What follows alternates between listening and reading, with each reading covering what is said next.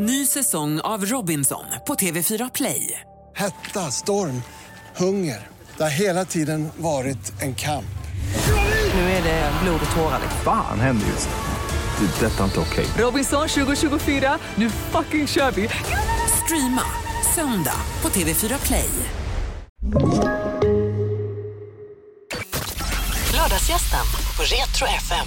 Ja, det är lördag förmiddag och den här veckan är man nyfiken på kanske Sveriges argaste Alltså, jag läste, alltså, Jan Gradvall skrev att du är Sveriges argaste journalist i, i ingressen eller reklamen för din nya bok Olof Lund. Ja, eh, det gjorde han. Sveriges argaste sportjournalist tror jag han skrev. Ja. Det kanske finns någon annan. Jag vet inte varför. Jag, jag kan väl eh, vara lite eh, arg ibland. Det är väl korrekt. Ja, men är du, det, alltså, är du annars alltså, om- hur uppfattar folk det tror jag, privat? Ah, och det är nog lite varierande beroende på hur väl man känner mig och så. eh, Sen eh, kan det är väl mer i jobbet som jag kan ibland tycka att eh, man behöver eh, ah, En del av det man skildrar handlar ju om att man behöver ta fram lite känslor. Vad känner man kring saker och ting? Och just i fotbollens värld som jag skriver mycket om så är det ju en hel del känslor där man kan eh, ja, blir irriterad på eh, korruption och dubbelmoral och liknande. Ja, vad, vad är det du är mest arg just nu? Alltså det är grejer som du har liksom exploderat över? Nej, inte exploderat, men det är klart att man kan vara irriterad över att fotbollen låtsas att de har liksom städat framför sin port och så har de inte det.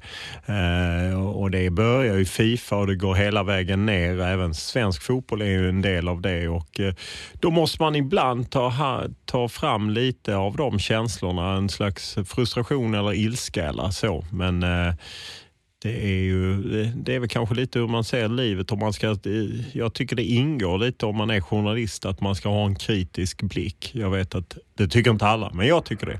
Hur funkar det med att fotbollsälskaren, supportern Olof Lund som klev in och, och blev journalisten. Jag tycker själv det är som fotbollsälskare och journalist och tycker att det är, så, jag sitter här på läktaren och bevakar en match. Man får bita sig liksom ibland. Ja, så är det ju. Och sen så har väl jag gått från, eh, nu har jag jobbat som journalist snart 25 år, och då har jag väl gått från att jag, ja men det fanns ju en lockelse till att, att skildra matcher och, och det gör jag ju fortfarande, det kan fortfarande vara kul, men jag är ju mer intresserad av mekanismerna runt omkring fotbollen och runt omkring eh, den här sporten och maktspelet och pengarna och vem bestämmer och varför. Och, ja, men många saker som är lite dubbelmoral. eh, Att, eh, ja, men, eh, att till exempel Uefa tycker att det var fel att Zlatan skulle deläga ett spelbolag för man, ingen får liksom vara med i EM eller spela Champions League om man deläger ett spelbolag. Men det är inga problem för klubbar eller svenska landslaget som kommer i sin stora svenska spellogga till EM. Det var inget problem. Nej. Men Zlatan är ett pro- alltså det, det finns så många sådana aspekter som ja, är intressanta att försöka skildra. Ble, blev fotbollssupportern eh, Olof Lund besviken? Han blev journalisten Olof Lund och han började gräva lite grann hur det funkar bakom kulisserna, det du inte visste innan. Eh, nej, det kan jag inte påstå att jag blev besviken, men det är klart att det har varit en förändring. Eh, sen kanske jag inte har varit så eh, naiv ens från starten att jag har trott att det har varit som man vill att det ska framstå, utan jag har nog alltid Ja, men lite den här kritiska blicken eller misstanken om att det kanske inte riktigt är som de vill framställa det som. Det har jag nog faktiskt haft ända sedan jag var liten. Och när du var liten så växte du upp i Lund. Lund är liksom, hur var din relation till Lund idag? Din barndomsstad? Ja, men egentligen eh, får man väl säga att den är begränsad eftersom eh, dels så flyttade ju, mina föräldrar lever inte men de flyttade ju redan när jag var 14 så att jag bodde hos en god, goda vänner till min familj och som är ju väldigt nära mig. De bor ju kvar i, i Lund men jag har inte liksom så mycket kontakter eh, Klart jag känner folk fortfarande i Lund, men inte så mycket. Då och då vänder jag hem och ibland när jag jobbar i Malmö så gillar jag att bo på, på Grand i Lund för att just få den känslan av att eh, är det din stad då fortfarande eller? Nej, det är ju det jag försöker komma fram alltså, det, Nej, det är det väl inte riktigt. Jag bott jag, alltså, om det är tre eller fem år sedan där jag kände att eh, innan har jag alltid varit helt säker på att jag skulle begravas i Lund. Nu är jag inte lika säker och att jag har svårt att tänka mig att jag skulle flytta tillbaka till Lund. Jag har bott i Stockholm, jag har bott några år i New York när jag jobbade där men annars har jag bott i Stockholm sedan jag lämnade Lund 94 och har liksom svårt att se mig återvända till Lund. Nu ska man aldrig säga aldrig, så att, eh, det gör jag inte. Men jag har liksom ändå svårt att se det, att, eh, att det skulle hända. Och det har gjort att jag, eh, liksom, jag känner mig... Jag gillar att komma tillbaka till Lund, men känner, det är liksom en helt annan stad upplever jag. Eh, universitetet, studenterna är mer... Nova Lund fanns liksom inte när jag flyttade därifrån. Plötsligt har liksom Lund, precis som alla andra städer, fått massa köplador utanför stan, vilket är ju på ett sätt är lite deppigt. Eh, så att det är ett annat Lund som jag växte upp i och det gör att ja, det inte är min stad på det sättet. Men jag, jag gillar ju Lugi, jag gillar, jag, det finns ju en stolthet också att jag är från Lund. Hur länge spelade du handboll i Lugi förresten, Olof? Upp till nionde klass. Spelade med 66 som var en framgångsrik generation med Axel Sjöblad som är född 67, men han spelade med 66 Pelle Kjell, Daniel Roth. Ja, många av dem eh, ett helt gäng spelar ju elitseriehandboll och flera blev landslagsmän och vann ju till och med titlar och liknande. Så att det var inte så konstigt att jag spelade mer i lag två än i, i lag ett. Och den klassiska frågan den har du fått 107 000 gånger ungefär Olof. Eh, Landskrona Boys och Leeds då, eh, den klassiska relationen. Man tänker, eh, bor man i Lund och man är uppväxt i den, du, du borde vara Bosse Larsson-generationen, MFF, alla polarna höll väl på det kan jag tänka. Ja, många, eh, många höll på Malmö FF otroligt nog höll en del på Öster för att Öster var på, vid den tiden rätt bra. Detta är ju slutet, eller mitten, slutet på 80 eller mitten, slutet på 70-talet. Min pappa är född och uppvuxen i Landskrona. när jag är sex år så får jag en Landskrona Boys-dräkt av han som var ordförande, eller egentligen hans fru Dagmar Munk av Rosenskjöld. Det gjorde att jag fastnade för Landskrona och det var väl också lite kul att hålla på något annat. Då ska man ju dessutom säga att Landskrona spelar ju allsvenskan hela 70-talet. Det var tunga derbyn och så, så att eh, det var ju en klubb man kunde hålla på då, men eh, jag var rätt ensam om det. Men håller du fortfarande på dem lite grann? Sådär ja, nej, men det gör jag. Det, det, är ju liksom om man delar på eh, eh, journalistiken och eh, så. så ja, nej, men jag följer Landskrona, jag följer Leeds. Sen har det väl under de här 45 åren eh, varierat lite, men det är klart att jag hänger med vad som händer. Men eh, ja, det, det, tror jag aldrig jag släpper. Det var gott att se lite känsloyttringar när Leeds klev upp i finrummet. Jag såg på ditt Instagramflöde. Ja, precis. Nej, men det var ju härligt när de åter efter 16 år utanför. Och lite så kan jag känna med Landskrona som tog sig upp i Superettan. Det är klart att det är, det är kul när det går bra. Sen är det ju väldigt mycket mer, det vet ju de allra flesta supportrar, att det är mer lidande än det är triumfer. Men det är ju för triumferna man lever. Jag satt och läste i din nya bok eh, Sporten och livet enligt Lund. Jag satt och läste om din inledningskapitlet som jag bara inser att vilken jävla fighter du är. Alltså med alla de knockningar du fick av dina lärare, sågningar över hur katastrofalt dåliga texter du skrev Olof och så väljer du att kliva in och bli skrivande journalist. Ja, eh, det är ju eh, outgrundliga är ju sådana vägar. Nej, och jag började ju långt senare. Jag började inte läsa journalistik förrän jag var 28 och var inte klar förrän jag var 30 och det hade väl säkert med det att göra att jag inte visste riktigt vad jag skulle göra. Sen var det också så att, att växa upp i Lund så fortsatte jag på universitetet ungefär som eh, kanske man gör på gymnasiet. Det var bara liksom ett, det var så naturligt på något sätt man fick. Man lånade, fick studiemedel säger jag, men man lånade ju som man sen slet med en antal år. Men det var ett sätt att försörja sig, det var rätt roligt roligt. Eh, jag jobbade mycket på det som heter Krogen då, som heter Tegnérs idag och stod i baren där fyra år. Drev även ett tag restaurang Raurakel. Vi döpte dock om det till etablissemang 1 hette det eh, våren 94. Men sen, jag bara kände att jag kan inte stå i restaurangbranschen till jag blir 65. Eh, då kommer jag dö. Så att det var bättre att göra någonting annat. Och då hade jag valt många år mellan, ska jag läsa Handels eller ska jag läsa Journalisthögskolan? Och då valde jag Journalisthögskolan. Och så flyttade jag till Stockholm. Jag tror det var viktigt och man ska inte ångra saker. Men något jag lite ångrar är att jag inte var lite modigare och lämnade Lund tidigare. För det var så, var så enkelt att bara fortsätta i Lund. Din nya bok Sporten eh, och livet enligt Lund. En samling av dina texter, alltså ett litet axplock, en liten eh, gör bokslut med de 25 åren som journalist. Någon av texterna som du har omvärderat nu när du satt och valde ut dem till boken? Ja, men det har du. Och jag har, dels har jag skrivit det här inledningskapitlet som är ju helt nytt.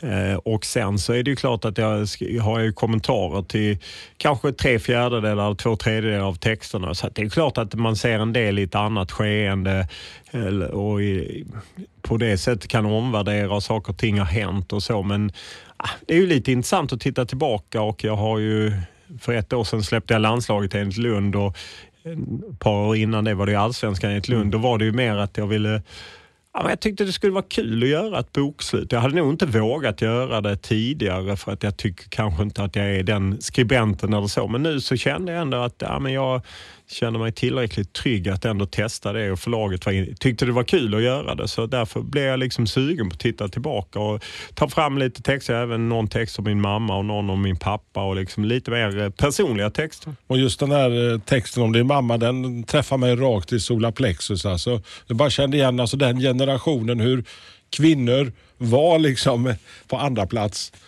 och, och skötte i princip hela cirkusen. Ja, nej men det är ju, och det kan man ju säga att jag vaknade kanske väl sent. Även jag, eller jag vaknade sent om man tänker att jag satte det på pränt då, men jag förstod ju eh, ah, det och ja, man omvärderar ju och, och då kan man väl säga att det är ju bra att samhället åtminstone, åtminstone i Sverige går det ju framåt på det sättet att, eh, att vi närmar ju, eller vi rör ju oss åt ett mer jämställt håll och det är klart att man kan liksom ifrågasätta sådana eh, saker som jag inte fattade riktigt när jag var eh, 10-15 år eh, gammal. Att man, för man växer upp i en värld som är på ett visst sätt och, och en del kanske fattar snabbare men innan man kan ifrågasätta och vi borde göra på ett annat sätt och då är, är det ju häftigt med de pionjärer som går i den riktningen. Jag, jag kan önska att min mamma skulle fått eh, lite mer eh, cred helt enkelt än vad hon fick. Eh, och det handlar inte om att hon skulle få det på be- bekostnad av min pappa utan det var ju mer att man,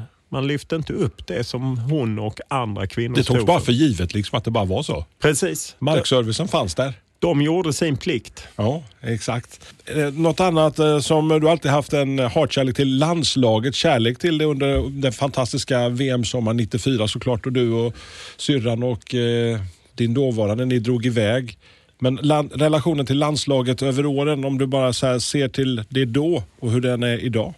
Nej, men det, man får ju också komma ihåg att när jag liksom eh, växer upp så var det ju dels att det gick 12 år från VM 78 till att man var med i VM 90 nästa gång. Och det, det fanns ju inte så mycket fotboll då eh, att se på TV eh, och landskamper var ofta eftersända för att de, om de inte hade sålt alla biljetter så sände de dem i efterhand.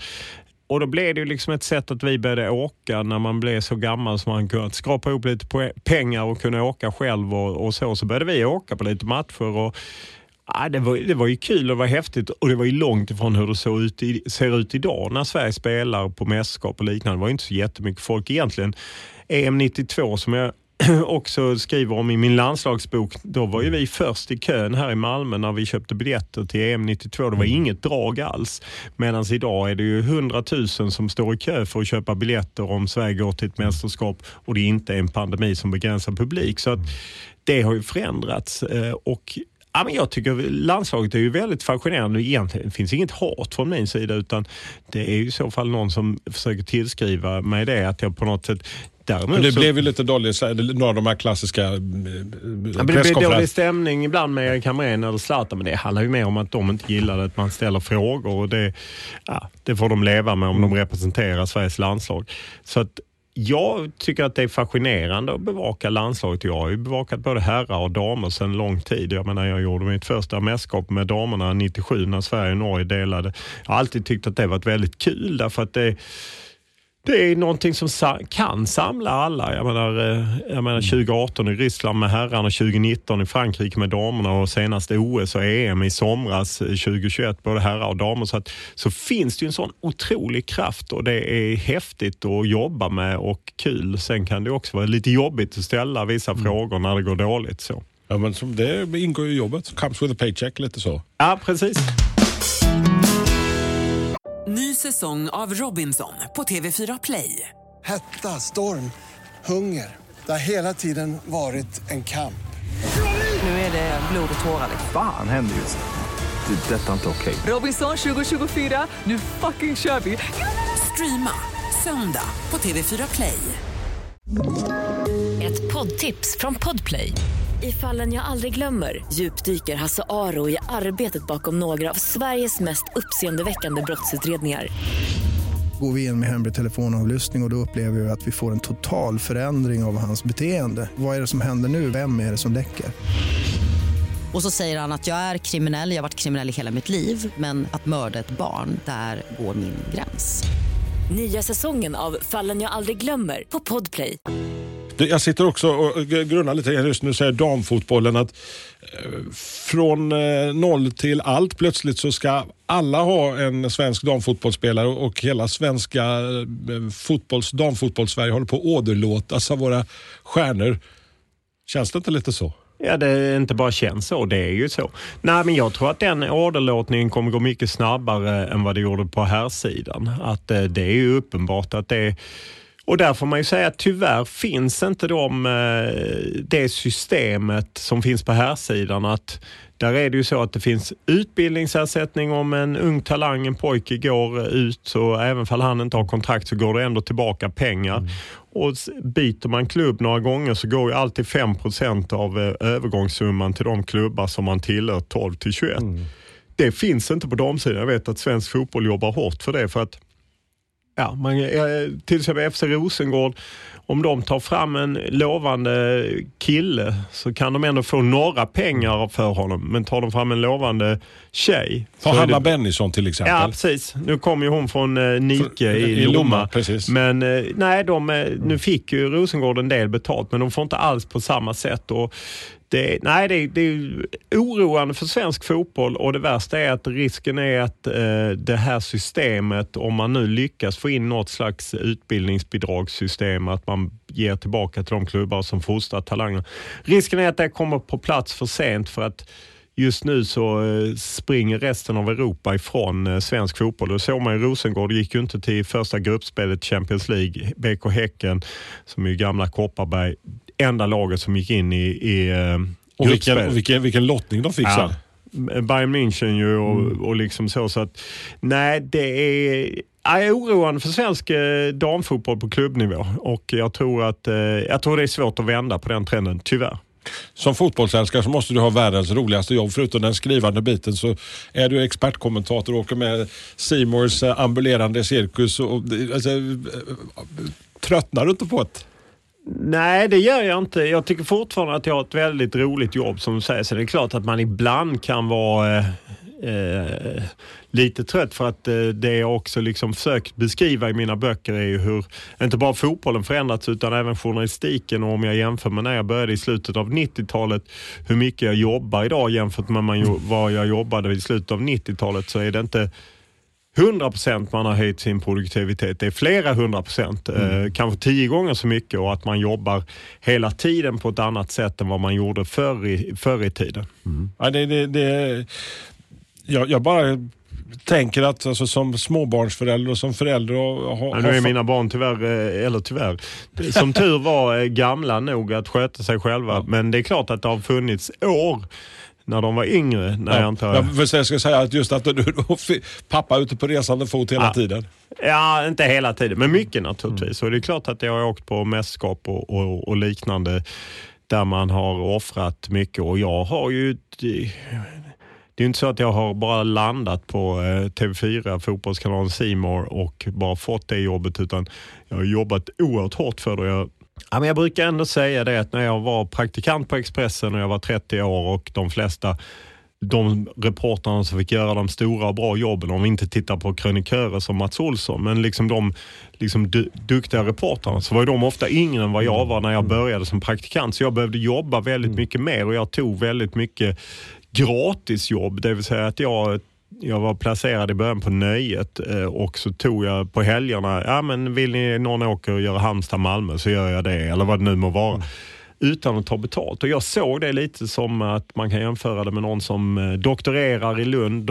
Jag tror inte de får betalt varenda timme eller om man kommer som ung jurist till en advokatbyrå, man jobbar massa extra eller man jobbar över på IKEA eller vad det nu må vara. Man får Jag stå in- där med mössan i handen. Ja, eller jag investerade i tiden för jag lärde mig, jag byggde ett namn, jag, ja, så att jag det skördar man långt senare, men det är klart att jag har jobbat mycket eh, fram till nu och gör fortfarande. Det är inget jobb för trygghetspundare, Olof. Nej, det, på ett sätt är det ju inte det. Och jag menar, mediebranschen, eh, det vet ju ni här också, att eh, allting... eh, Tekniken gör ju förvisso att det är lättare att jobba, men vi blir ju också färre och färre på något sätt och att det blir tuffare och tuffare. Och man ser här i Malmö till exempel, Mattias Larsson, duktig, som innan varit på Aftonbladet, nu framförallt Kvällspostens krönikör. Ja, nu anställer man med FF honom.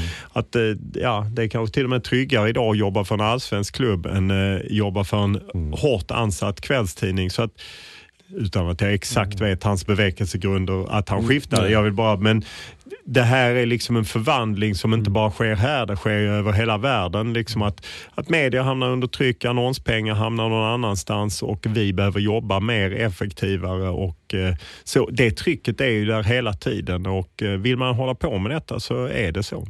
Eh, my- många sena timmar och mycket fulkaffe.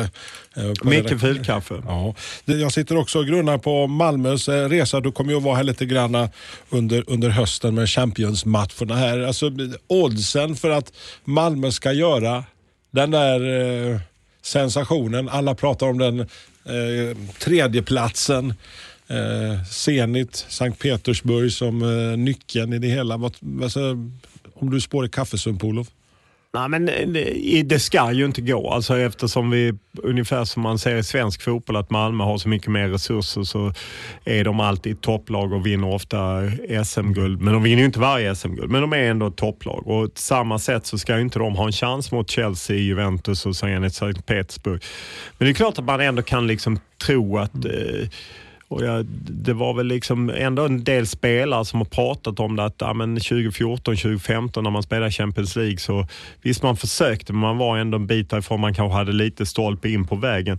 Jag tycker att det är Malmö som har gått in nu som är lite mer internationella spelare kanske lite högre kvalitet, gjort det otroligt starkt både mot Rangers och, och Ludogorets och, och så. att de har en möjlighet, men det är klart att i nio fall av tio ska de ju bli fyra i den här gruppen. Men kanske är det det här tionde fallet att de ändå går på de här internationella tränarna efter Ove Rössler och Jon Dahl Tomasson. Det har ju varit många, det är Åge Hareide, Allan Kuhn.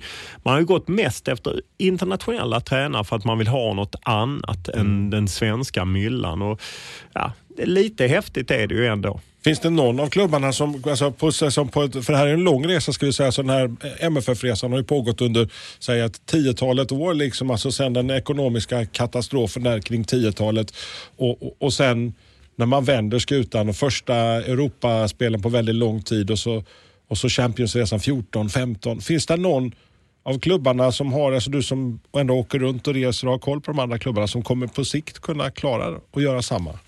Ja, men, eh, jag, nu var ju Hammarby väldigt, väldigt nära. Jag menar, de tog Basel som är ju, eh, var ju en storklubb, spelade Champions League bara för några år sedan, men som är lite mer på dekis. Men jag menar, de tog dem ändå till straffar och ah, nära. Väldigt synd de inte tog sig till Europa Conference League.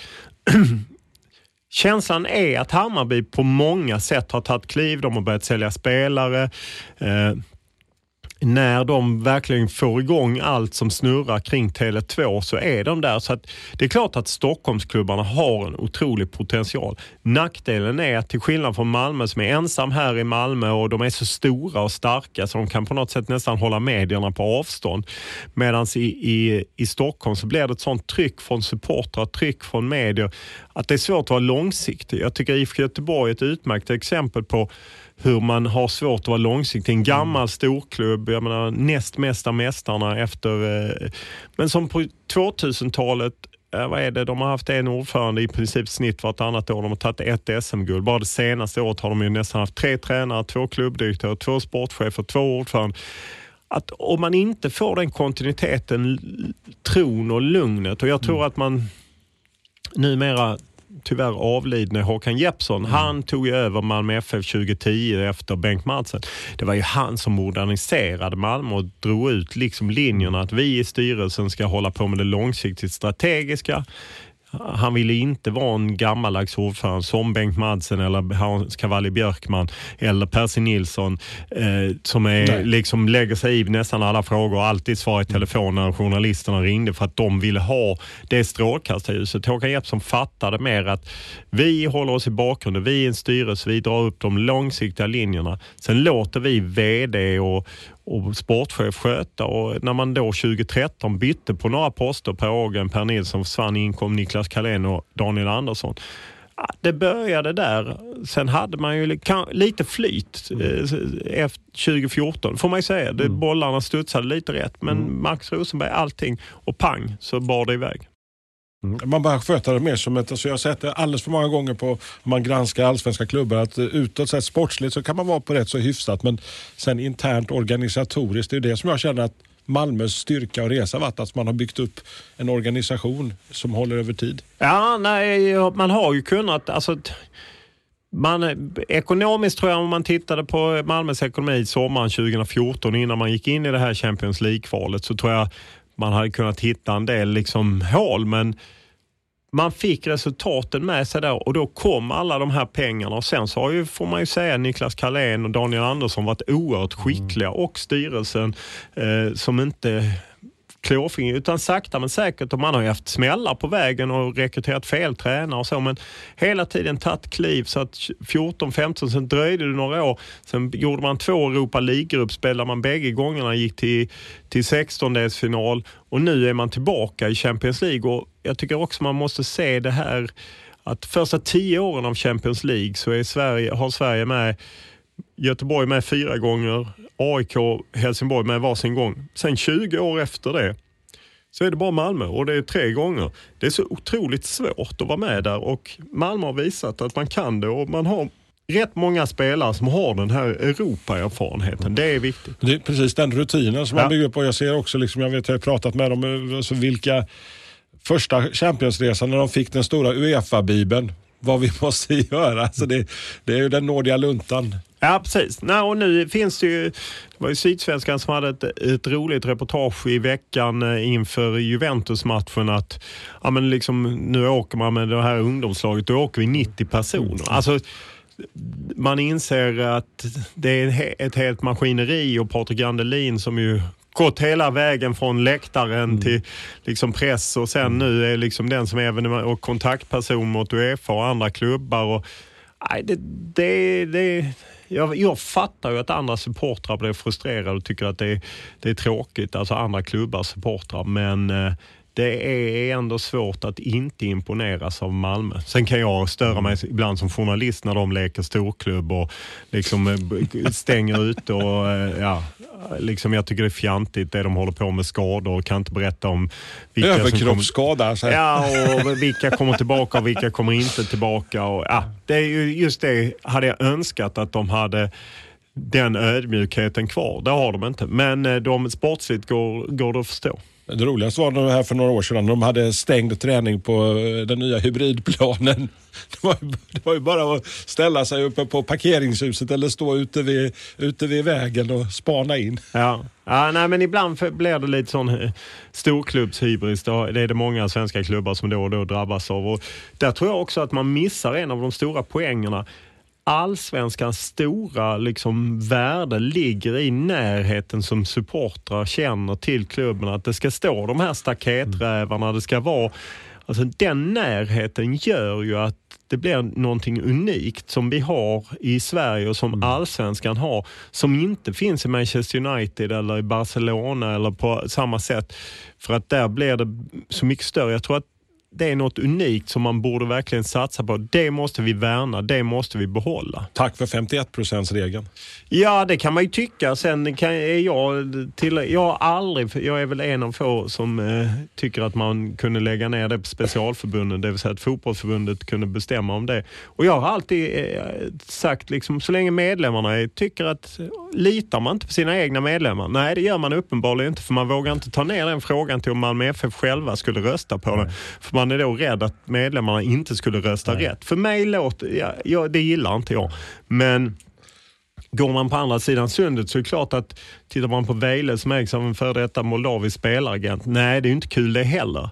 Men ja, Landskrona Boys har i många år, som då är 51 regel kontrollerat, har vi en jädra massa år varit misskött. Precis som Leeds United som har varit privatägt. Sen plötsligt sköttes Leeds bra, för de fick en bra ägare och Boys var dåligt skött trots att medlemmarna styrde. Så att för mig finns ingen garanti. Jag menar Barcelona har kört i diket, det är en medlemsägd klubb. Bayern München är bland det mest kommersiella jag vet som samarbetar med Qatar Airways och liknande. Det är också en medlemsägd klubb. Märkligt är det i fotbollsvärlden Olof. Så är det. Du, eh, alltså innan du eh, får eh, ta ge dig åstad så jag tänker alltså alla som gästar lördagsprogrammet här får välja en låt som betyder någonting. Fortfarande en låt som skulle hamna på autorepeat. Någonting du lyssnade på. Kanske när du stod där på krogen, kanske när du var i New York som utbytesstipendiat. Vad vet jag. En låt som du skulle kunna sätta i skyltfönstret. Ja, men det, då är, eftersom du tar mig tillbaka så, så eh, tar jag mig ändå något som man ofta såg i, i det var ju mycket man såg i Lund måste jag ju säga eftersom Lund, då stannade ju nästan inga band i, i Malmö utan de åkte till Exakt. Lund, Mejeriet. Stockholm, Mejeriet och även Olympen. Jag har ju sett Clash och jag har sett en, ja, Thin Lizzy och massa har jag sett på och Ebba Grön och eh, alla de ihop. Men för mig blev det ändå någonting som man såg i början på nationerna och sen sett växa fram. Wilmer X, jag vet att eh, Nisse Hellberg inte alltid är så förtjust i den eh, generationen av pojkar i jeansjackor eller unga män som ville ha. Men i din klinik tycker jag ändå är lite fint med, med Wilmer X för att liksom knyta ihop säcken tidigt 80-tal. Man står på typ eh, Smålands nation eller Hallands nation i någon källare och det är svettigt som fan och Jalle Lorentzon är framme med munspelet och piskar igång en. Det, det är lite härligt. Kärlek. Olof Lund, stort tack för att du tittar förbi. Tack själv.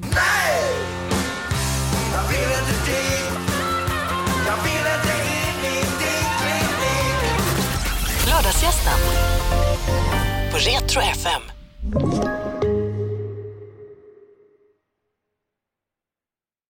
Ny säsong av Robinson på TV4 Play.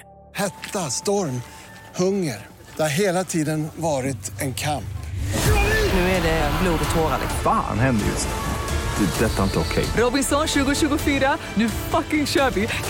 Streama söndag på TV4 Play.